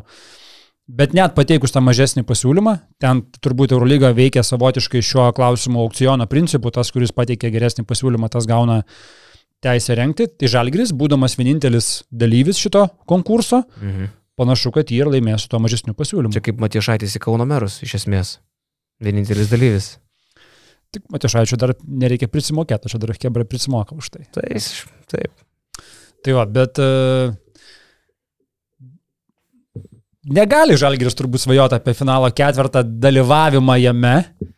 Kita vertus, apie dalyvavimą atkrintamosiose, manau, Baig, jie baig, gali baig, paspėlioti, baig, baig. jeigu pastiprintų bent jau gynėjų liniją. Baig, baig, baig, baig. Nes šitie trys gynėjai, apie kuriuos ne mes vieni kalbam, iš esmės Tomas Dimša, Karolis Lukušinas, Mantas Kilnietis, Nu, ar gali Žalgris atžaisti sezoną su jais trim ir nieko nepastiprinęs? Apie procentų žaidimą vakalbėjai, ką tik tai lygiai taip pat ir čia, šitame rezultate procentai galiausiai suloš. Nu, vis tiek realybė bus tokia, kad uh, Kausimės mes ten garbingai gal dėl 11-10, nu bet top 8 nėra vietos žalgiriui. Su, su tokia, mano močiutė tokia maža piniginytė turėjo, kur taip atsidaro jokingai, tokia kaip krepšiukas, bet piniginytė. Tai vad mes tokią turim, o čia vežasi vyrukai lagaminus pinigų, žinai, į tą top 8. Ten tokie atvažiuoja.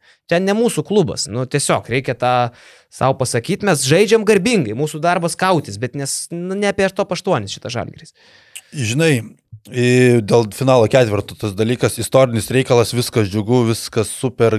Šiaip atrodo, kad gal Final Four nelabai kas ir benori organizuoti, kainuoja pinigus ir mažai, mažai tų dalyvių Žalgiris išlaukė savo progos. Džiugu, kad toks renginys vyks Žalgirio arenui, to nusipelno. Čia jau faktas?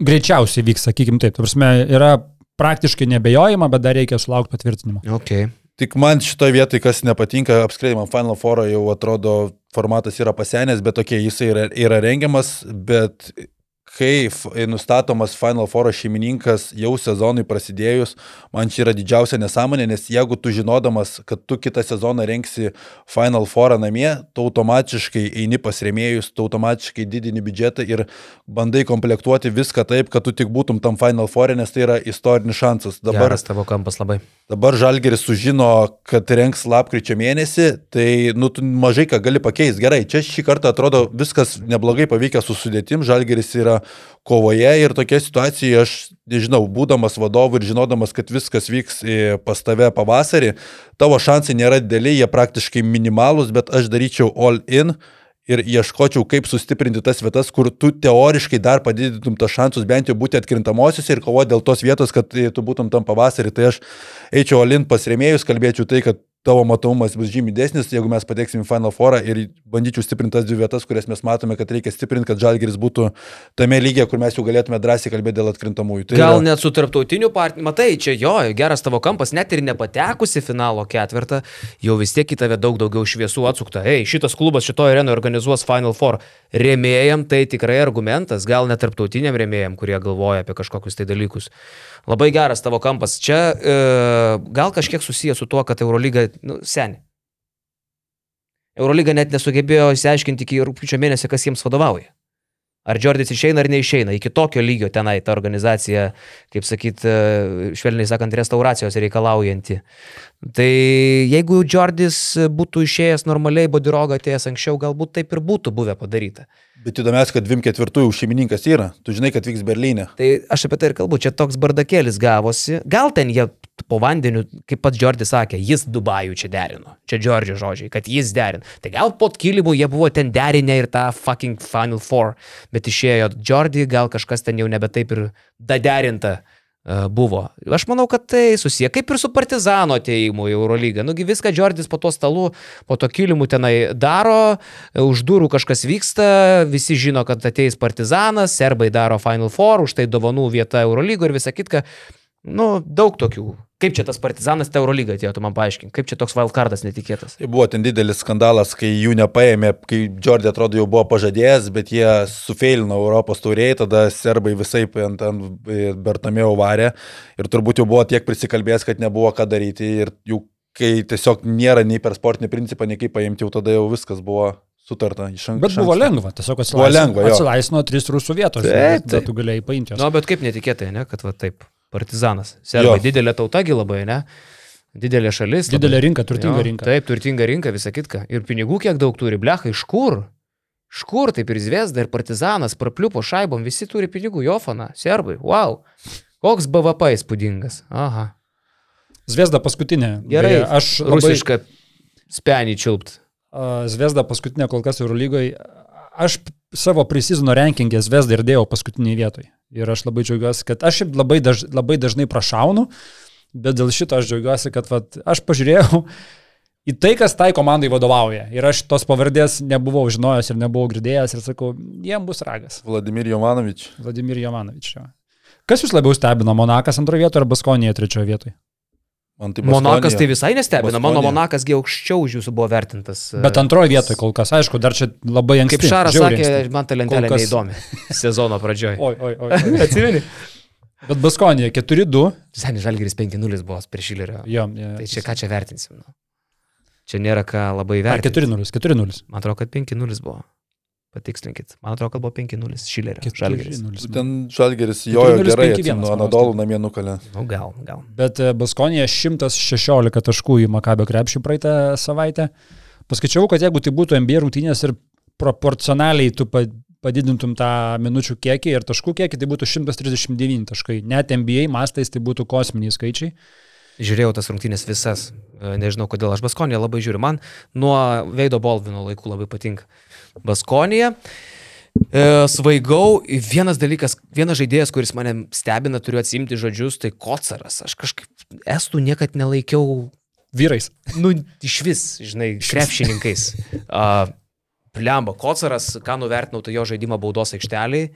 Vis dėlto stiprus kūnas ir ten, okei, okay, Baskonė neturi įnuho, bet tai ten nėra jie visai tokie jau neįgalus po krepšių, bet uh, Kocaras ten ir per dvigubą gynybą su bauda metą. Ką išdarinėja Markusas Howardas, psichiškai nesveikas žaidėjas. Toks šiek tiek tarp Šeino Larkino, bet kažkas gal link kokio nors Bredo Vanamakerio, tas driplingėlis toks tvirtas, užtikrintas. Larkinas man primena, jo. Bet Larkinas turi dar pasiuką. Larkinas šiek tiek uh, savo galvą sutvarko jo. Tas blecha pataikė vieną, pataikė kitą, atsivaro kaip Maikas Džeimsas meta ten nuo logotipo, vos nežinai. Tada jau treneris e, Penieroja, ateik, viški prisėsė, nusiramink, mums tavęs dar reikia rungtynėse, vėl išleidžia tas, vėl sega trajeką, tada pataiko, kaip vakar Fosteris vidutinį nuo lentos iš kampo, tas tokį trajeką įvaro. Nu, toks uh, laukinis krepšinis, bet Baskonija yra psichiškai nesveikų žmonių susirinkimo vieta, nes jie prieš savaitę atrodė apgailėtinai su Vilerbanos vėl ir kitas rungtynės žiūrėjau. Kur tipo, ką jūs veikiate Eurolygoje? Žiūri, ką, ką jūs veikiate Eurolygoje?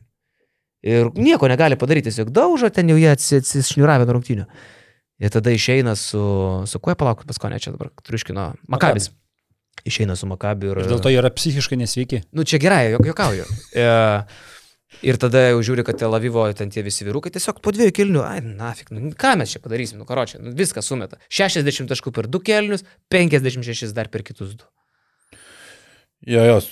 Bet ten Makabis parodė, kad jie polimo komandai ten kažkokių permainų tikėtis rungtynių metu nelabai tikėti, tikėsies, nes šiam tašku praleidai, po pertraukos tikėsi kažkokių permainų, bet ta gynyba kaip liko tokia, tai- nes metė daug labai laisvų metimų, ten tu jeigu leisi mesti, tai faktas, kad tokie kaip Howardas sumestos tritaškius, bet ką aš iš Baskonijos tu paminėjai Kocarą, paminėjai Howardą, tai aš skaičiau Darisą Thompsoną. Man... Taip, taip, aišku.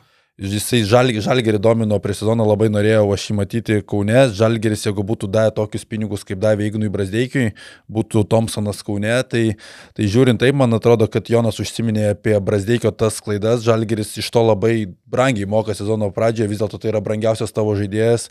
Taip suprantama, kad tai lietuviškas pasas, tai yra didelis potencialas, bet jeigu reikėtų rinktis tiesiog iš žaidybinės pusės, tai manau, kad Thompsonas visai kitą, kitą lygį duotų Žalgeriui dar vietoj Brasdeikio. Bet įsivaizduok, pavyzdžiui, jeigu Paskonė vietoj Thompsono turėtų Veidą Baldviną, tai būtų Perija Henry, Markus Howard ir Veid Baldwin. Trys, nu, švelniai, sa- Saiho trijo būtų toks, kur nežinai. Švelniai tariant. Kas čia darosi, žinai.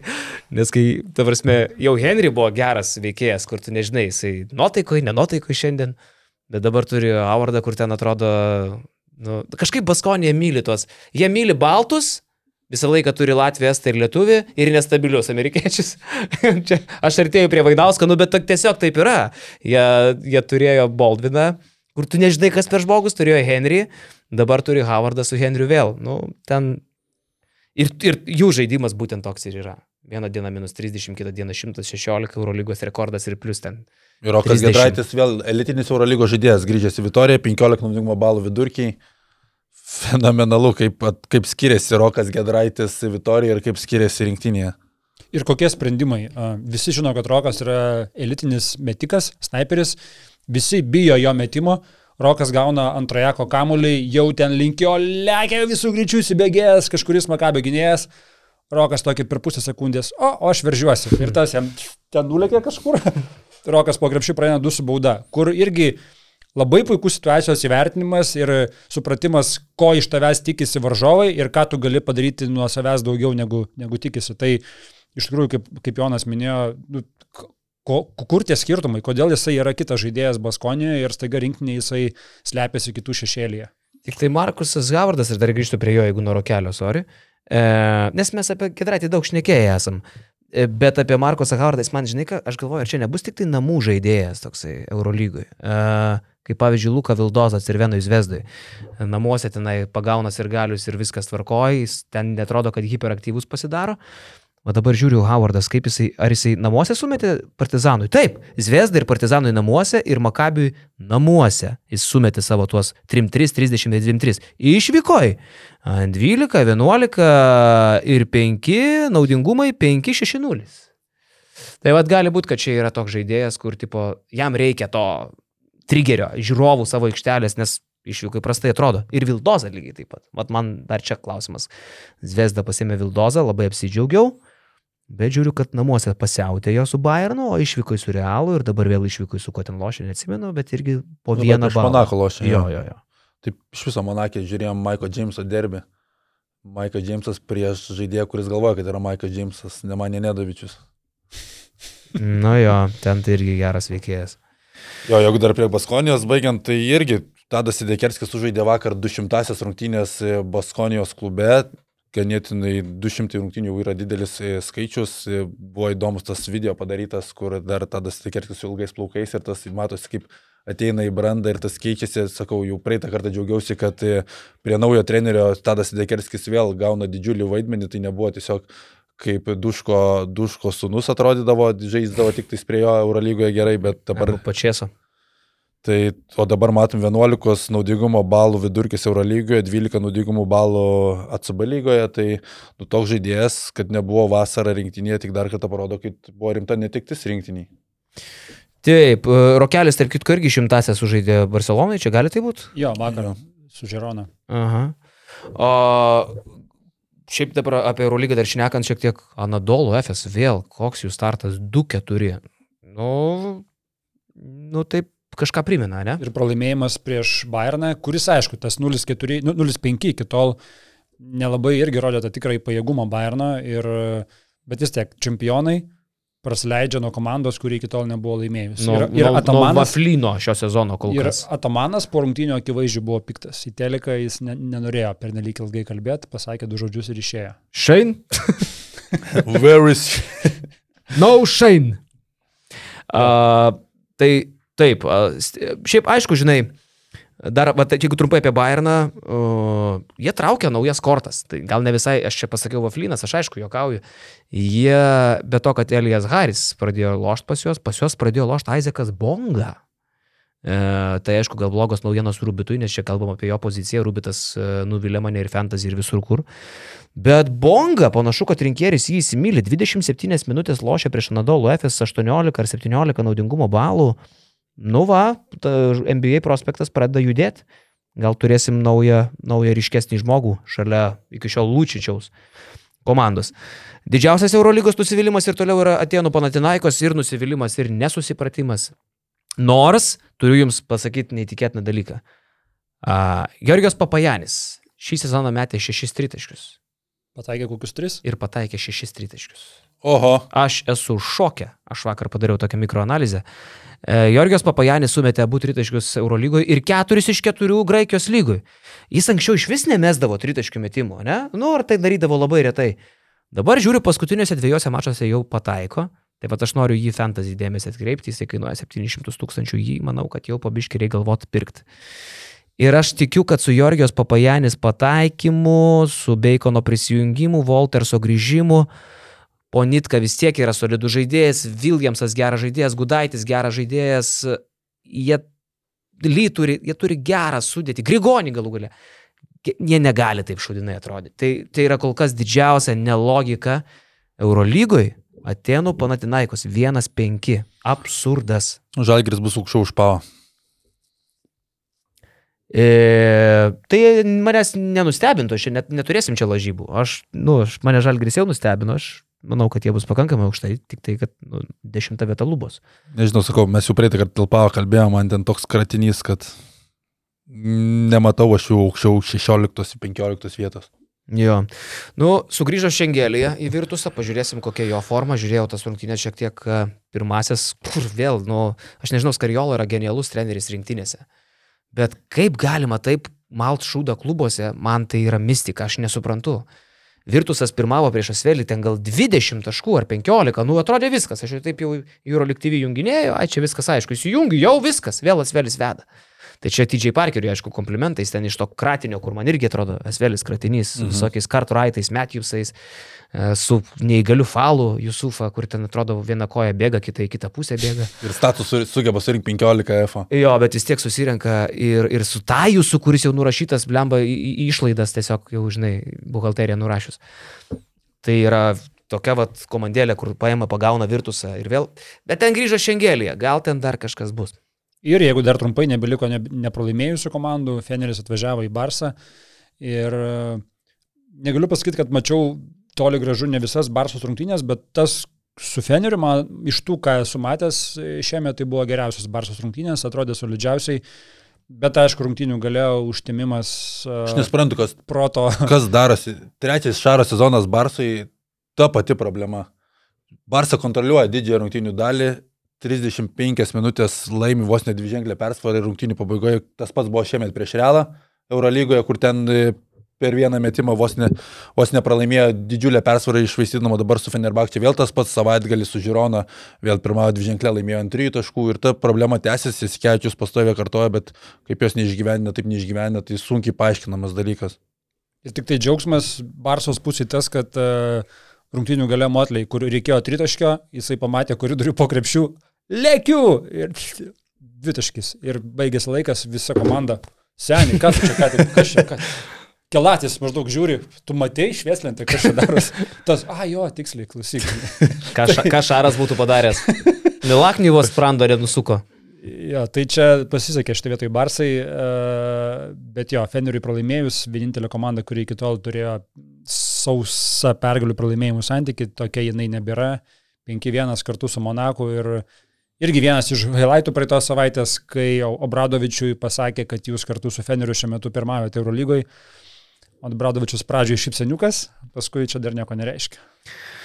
Jo, bet kokia Eurolyga, vyrukai, jeigu trečia komanda jau turi du pralaimėjimus. Trečia komanda po šešių turų jau turi du pralaimėjimus. Trečia vieta. Tai tik dar kartą rodo, kad mes turim velniškai lygį Eurolygą. Labai įdomi, nebėra nepralaimėjusių komandų. Lyderiai Feneris ir Monako šiuo metu, kur, nu, nu, nu fuck me, kur Realas. Realas devintoje vietoje, 3-3, kur mes visi vienbalsiai. Real, Real prieš sezoną. Kur Milanas? Lyderiai, jo. Kur Efesas? Milanas, Dupel, uh, kokie žaručkiai, 11 vietoj, irgi 3-3. Uh, Žalgeris lygiai su realu lošia kol kas. Alba, what the fuck, ką jie veikia aštuntukė. Uh, nu, kosmosėlis, Baskonija, 4-2, nu, nu, nu, fuck. E, įspūdinga. Kaip ir įspūdingas buvo Želko Bradovičiaus pasitikimas Oakoj. Partizanas Panatinaikos atvažiuoja 10 kartų Eurolygos čempionas Želko Bradovičius ir e, mačiau net Šaras palaikino Basket News Instagramą, kom video, kaip ateina Obradovičius į Oaką ir jį pasitinka Pao fanai su Obradovič, Obradovič, Obradovič. Ir tas taip. Valdo situaciją Zedas. Spūdinga Eurolyga. Ir jos matysim šią savaitę. Smagu, smagu, kad e, mes kalbam, kad e, blogai, kad Eurolyga dubliuojasi su FIBA tais langais, bet nu, matant tokį Eurolygą ir matant, koks būna lygis e, FIBA languose, taip tu suprastum, kad jisai pakiltų, kai išleistų ten Eurolygos žaidėjus, bet vis tiek ten nežaistų patys geriausi žaidėjai ir tas e, FIBA langas tiesiog yra kaip Aito Renesės patakys pasakė, kad yra tiesiog katastrofa FIBA langai, tai, nu, man FIBA langai niekada nežavi tas krepšinis, tas pats yra ir futbole, kad nors ten ir susirenka didžiausios žvaigždės, bet viskas vyksta sezono metu, tu supranti, kad ten didelio lygio nepamatysi, nes komandos neturi net savaitės tam pasiruošti, tai aš tai džiugiuosi, kad Eurolyga pertraukos neturi ir viskas vyksta, nes tu matai kiekvieną savaitę aukščiausio lygio krepšinį. Taip, na šią savaitę tik tai tas aukščiausio lygio krepšinis taip truputį durnai išmėtytas fantasy žaidėjams, tai čia yra bėda. Trečiadienis, ketvirtadienis, penktadienis. Tai iki trečiadienio pasidarai, kaip sakyti, keitimus, o paskui tris dienas meldiesi Eidsonui, kad uh, nieks negautų traumos. Nu tai taip, šiek tiek užknisa. Bet yra kaip yra. Tai va čia atkreipkite dėmesį, bet kokį fantasy, kurį žaidžiat, net jeigu LKL kažkaip prisijungėt prie to fantasio. Gerai čia? Atkreipkite dėmesį, kad Eurolyga trečiadienį, ne? Jo, jo, jo. Blemba, kaip Jo. dabar gerai padrošti LKL fantasy, kai mūsų, mūsų, kas pas mus negerai, dabar jau nuėjo į antrą planą. nu, Tai va, bet ką, užsiplėpėjom šiandien čia, ne? Užsiplėpėjom. Dar tik tai priminimas, kad uh, turim tokį šopą, paskaitiniusą, ten galite įsigyti šitą džempaką su Šitą. lietuviška trispalvė.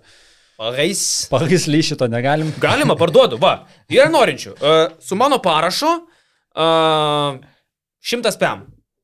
Oho, Su mano parašu ir palinkėjimu pats atvažiuoju įteikiu. Vat kas norite, žiūrovų, 100 pem eurų. o šaibos į tavo kišenę ar į įmonės? Į mano. Tai tu Gerai, pasinaudoji platformą. Na gerai, gerai, įmoniai 5 eurų tinka? Iš niekur. Bet tu kokią, rastum kokią gražią priežastį, žinai, šuniukam, katiniukam. Man čia. Pasipelnyt. Taip. Kalba per podcastą, kurį kiam tūkstančių žmonių pažiūrės, supranti, ir savo, savo kišenę dar, dar įsidėti. Nu reikia gerai, kažką. per pusę, ok? Geras, tu geras, aš tik. Nu gerai, viską šuniukam. Viską šuniukam. Vat Apie, apie ką mes Ok? kalbam? Taip. Viską šuniukam. Vat šitą nusiperkat iš manęs, man pirko gintarę, aš atvažiuoju, atiduodu žmogui, šimtas, arba dar geriau, aš jums atsiunčiu džemperį, jūs šimtą pėm šuniukui ir man uh, tą. Uh, Pagais, čia iš kitos O jeigu pusės. nenori parašo žmogus. Okay. Vis tiek bus tas parašas. Ne, tai parašas bus bet kuriuo atveju, čia jau, kaip sakyt. Jau Ir jūs mane aiškinkit, ką aš jums pardavinėjau, gerai? Uh, tai va. ką šopę dar galima pirkti? Šopę dar turim uh, mini krepšiuką. Labai solidų, į kurį galite praktiškai ir dėti ir užsikabinti ir ten jis laikys tvirtas geras daiktas. Tu toks ten ir mini 250 eurų vertė. Jo, nes ten gauni visą paketą ir kamuliukas, ir pripučiam, priputimo pompa, ir pats kašiukas ant sienos tvirtas, žodžiu, rimti reikalai. Lenio pompą įdėsim dar. Tiesiog. tą- Tuo pačiu, jo. Nuo savęs. A, Paveiksliukai, kuris galite papuošti irgi savo namų interjerą, ten tokie krepšiniški, maikutės, tų džempo- džempakų turėsim artimiausiu metu dar naujų dizainų, tai žodžiu, užmeskit akį. Tai va, O šiaip tai reikia dar paskaityti Mareko intervą pas mus, ne? A, Mačiau, kad a, Jo, kažkaip nuoširdžiai buvo- pakalbėjo. Buvo skaitomas vienas skaitomiausių tekstų praeitą savaitę, Lekšas pašnekino Mareką. Gerai, gerai, pakalbėjo Marekas, šiaip e, keista, kad jam dar tik tais realiai 21, bet kaip jisai brandžiai dėlioja mintis, kaip tvarkingai žiūri į gyvenimą, tas jo visos vertybės susidėliotos, tai smagu bendrauti, jisai labai retai kalba, irgi sak- sakė, kad Lietuvoje nekalbėjau, nes nematydavau tiesiog tikslo, bet ten vis, sakau, intervė labai daug, daug įdomių dalykų palėtė, tai rekomenduoju. Protingas tas šio laikinis jaunimas. Ar tu paimsi Roką Jokubaitį, ar Mareką Blaževičių, ar Benediktą Jo. Petku. Protingi žmonės tie jaunuoliai, talentingi šiais laikais, ne? E, Vyrukai geras podcastas, kiek čia 45 tūkstančiai bus, ne? Peržiūrų. Jeigu taip, tai bus ketvirtas pailiui su 40 plus. Nu, Ir praeitas buvo 40. Artėja, bus toj. jo, jo, jo, jo. 9. Jau yra. Tai va, tai ačiū, kad žiūrit. e, Tiesiog turit gerą skonį. Iki. Jeigu dar neišjungėte šio video, galite padaryti dar du dalykus. Spausti kažkur čia ir mus prenumeruoti, arba rasti daugiau turinio BN. Na ir dar čia kažkas.